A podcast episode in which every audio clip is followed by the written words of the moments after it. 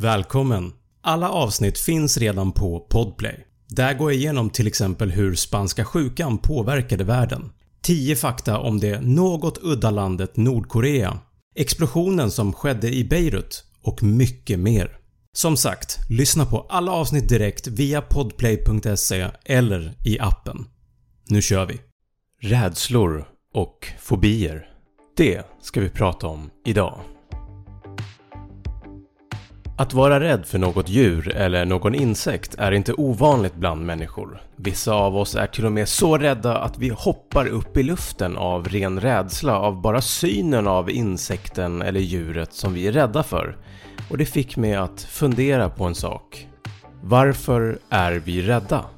Hur kommer det sig att man kan vara rädd för till exempel en spindel även fast du aldrig blivit biten, aldrig hållit i en eller till och med aldrig haft en negativ upplevelse med en spindel. Men trots det så är du ändå livrädd för att bara titta på en spindel. Vi har tre olika typer av rädslor. Den första typen är medfödda rädslor. Det är rädslor för till exempel höga ljud och rädslan för att falla från höga höjder. En studie som genomfördes år 1960 utvärderade uppfattningen av höjder bland 6-14 månader gamla spädbarn och unga djur. Forskarna placerade ut försökspersonerna på en plattform som hade plexiglas strax utanför kanten av plattformen för att se hur många av försökspersonerna som skulle gå ut över den genomskinliga klippkanten. De flesta försökspersonerna, både barnen och djuren, gick inte ut på plexiglaset. Rädslan för höjder och för att falla är nödvändig för oss och har varit det genom historien för att vi ska kunna överleva som art. Den andra typen av rädslor är inlärda rädslor från erfarenheter. Ett barn vet inte hur det känns att blöda men om barnet råkar skära sig på en kniv så kommer barnet att lära sig att en kniv är vass och det gör ont. Samma sak med det klassiska exemplet med handen på spisplattan. Ett barn förstår inte varför den inte får röra plattorna på spisen tills den dag då barnet råkar bränna sig. När barnet har bränt sig en gång på plattan så kommer barnet aldrig sätta handen där igen för nu har barnet en inlärd rädsla för varma spisplattor som kommer hänga kvar i resten av livet. Spindlar, ormar och även mörkret kallas för naturliga rädslor och det har dels med inlärda rädslor att göra genom vår omgivning och kultur men också med vår evolution att göra. För ingen föds väl med en rädsla för spindlar eller ormar? Eller? En intressant studie publicerades 2017 som gjordes av Max Planck-institutet för mänskligt kognitiv och hjärnforskning i Tyskland samt av avdelningen för psykologi på Uppsala universitetet i Sverige. Denna studie prövar just den här frågan. Föds vi med en rädsla för spindlar och ormar? I studien tog man sex månader gamla spädbarn och visade bilder på spindlar, blommor, ormar och fiskar. Under experimentet så mätte man pupillerna hos barnen med en infraröd eye tracker. Detta för att mäta barnens stressrespons. När man ser något man är rädd för så triggas en kemisk slåss eller flyrespons i hjärnan och då vidgas pupillerna. När barnen såg bilder av en orm eller en spindel istället för en blomma eller en fisk av samma storlek och färg så reagerade barnen med betydligt större pupiller. Barnen verkade att bli stressade för dessa typer av djur. Och det är ju verkligen ett intressant resultat med tanke på att barnen var så unga att de kan inte ha lärt sig ännu att spindlar eller ormar är farliga. Slutsatsen blir att rädslan har ett evolutionärt ursprung i likhet med andra primater så kan vi blixtsnabbt i våra hjärnor identifiera ett föremål som en spindel eller en orm. Och även om vi i våra moderna liv sällan kommer i kontakt med farliga spindlar eller ormar så var våra mänskliga förfäder inte lika lyckligt lottade. Den rädsla som vi nu känner inför de här djuren har blivit en överlevnadsinstinkt som utvecklades långt bak i tiden. Mörkret Många av oss är rädda för mörkret. Oavsett om det är mörkret utomhus eller mörkret i ditt hem så har vi nog alla känt ett obehag för det. Men varför egentligen? Egentligen så är det ju så att vi är ju inte rädda för mörkret i sig, eller färgen svart för den delen. Det vi är rädda för är att vi inte vet vad som finns där. Och det här har också med evolutionen att göra. Vår rädsla för mörkret är en egenskap som vi plockade upp från våra förfäder för att överleva rovdjur som smög sig på oss på natten. Vi måste komma ihåg att vi har inte alltid varit i toppen av näringskedjan. Vi blev det i samband med den teknologiska utvecklingen men innan dess så var våra förfäder ständigt jagade av olika rovdjur som för det mesta jagade på natten. En tid då vi är särskilt sårbara eftersom vi har ett relativt dåligt mörkerseende.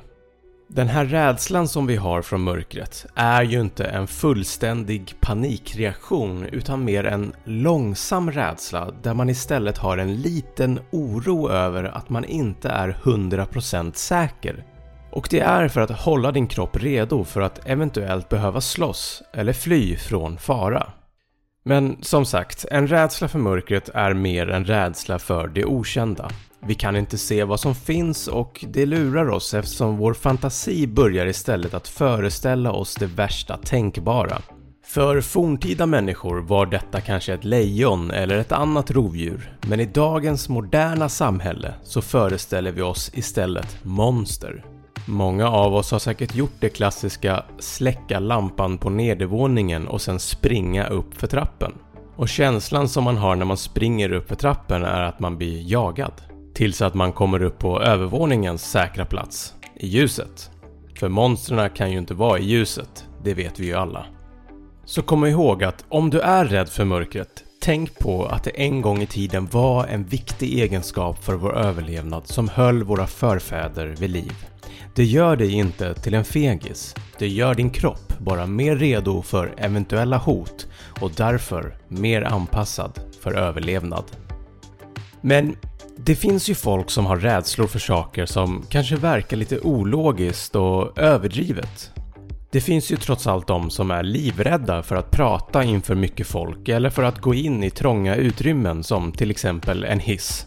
Och när jag började leta information om det här så kom jag snabbt in på vår tredje typ av rädsla. Fobier. En fobi är en typ av ångest där personen upplever en extrem och ologisk rädsla för något. Och det kan vara en insekt eller ett djur eller någon annan levande varelse men det kan också vara situationer eller till och med ett objekt. När en person har en fobi för något så kommer man att anpassa sitt liv allt vad man kan för att undvika sin fobi. Ofta så är det ju så att när man har en fobi så förstorar man upp faran i huvudet och det gör rädslan ännu större. Den inbillade faran blir alltså större än den riktiga faran. Det underliga är att personer som har en fobi vet oftast om att rädslan är överdriven och ologisk men ändå så kan de inte kontrollera sin reaktion. Och det som händer när man möter sin fobi är att man kan börja svettas, hjärtat kan slå snabbare, du kan börja darra, bli torr i munnen eller rycka till eller hoppa undan med kroppen. Kortfattat, man fungerar inte riktigt som normalt i den stunden. Vad kan man ha för olika typer av fobier då? Du känner ju säkert igen en fobi som heter klaustrofobi en rädsla för trånga utrymmen. Men det finns väldigt många olika. Vi har till exempel aerofobi, rädsla för att flyga eller att befinna sig i ett flygplan. Eller hedenofobi, en rädsla för nöje, man är alltså rädd för att ha roligt. Eller så kanske du har omfallofobi, rädsla för att röra någons navel eller för att någon annan ska röra din navel. Och sen får vi inte glömma sesquipedaliofobi. En rädsla för långa ord. Vilket är lite ironiskt eftersom sesquipedaliofobi är ett ganska långt ord. Och slutligen, fobofobi. Man är rädd för fobier. En fobi för att ha en fobi.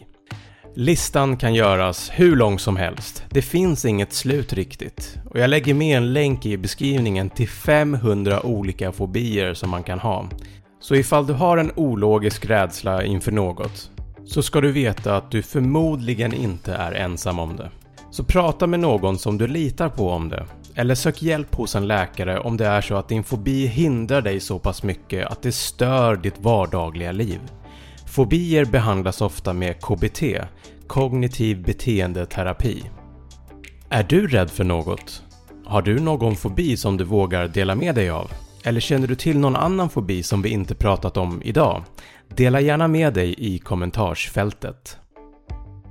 Tack för att du har lyssnat på det här avsnittet. Alla avsnitt finns att lyssna på via podplay.se eller i appen. Glöm inte att prenumerera på min YouTube-kanal Snabbfakta och på Instagram heter jag snabb.fakta.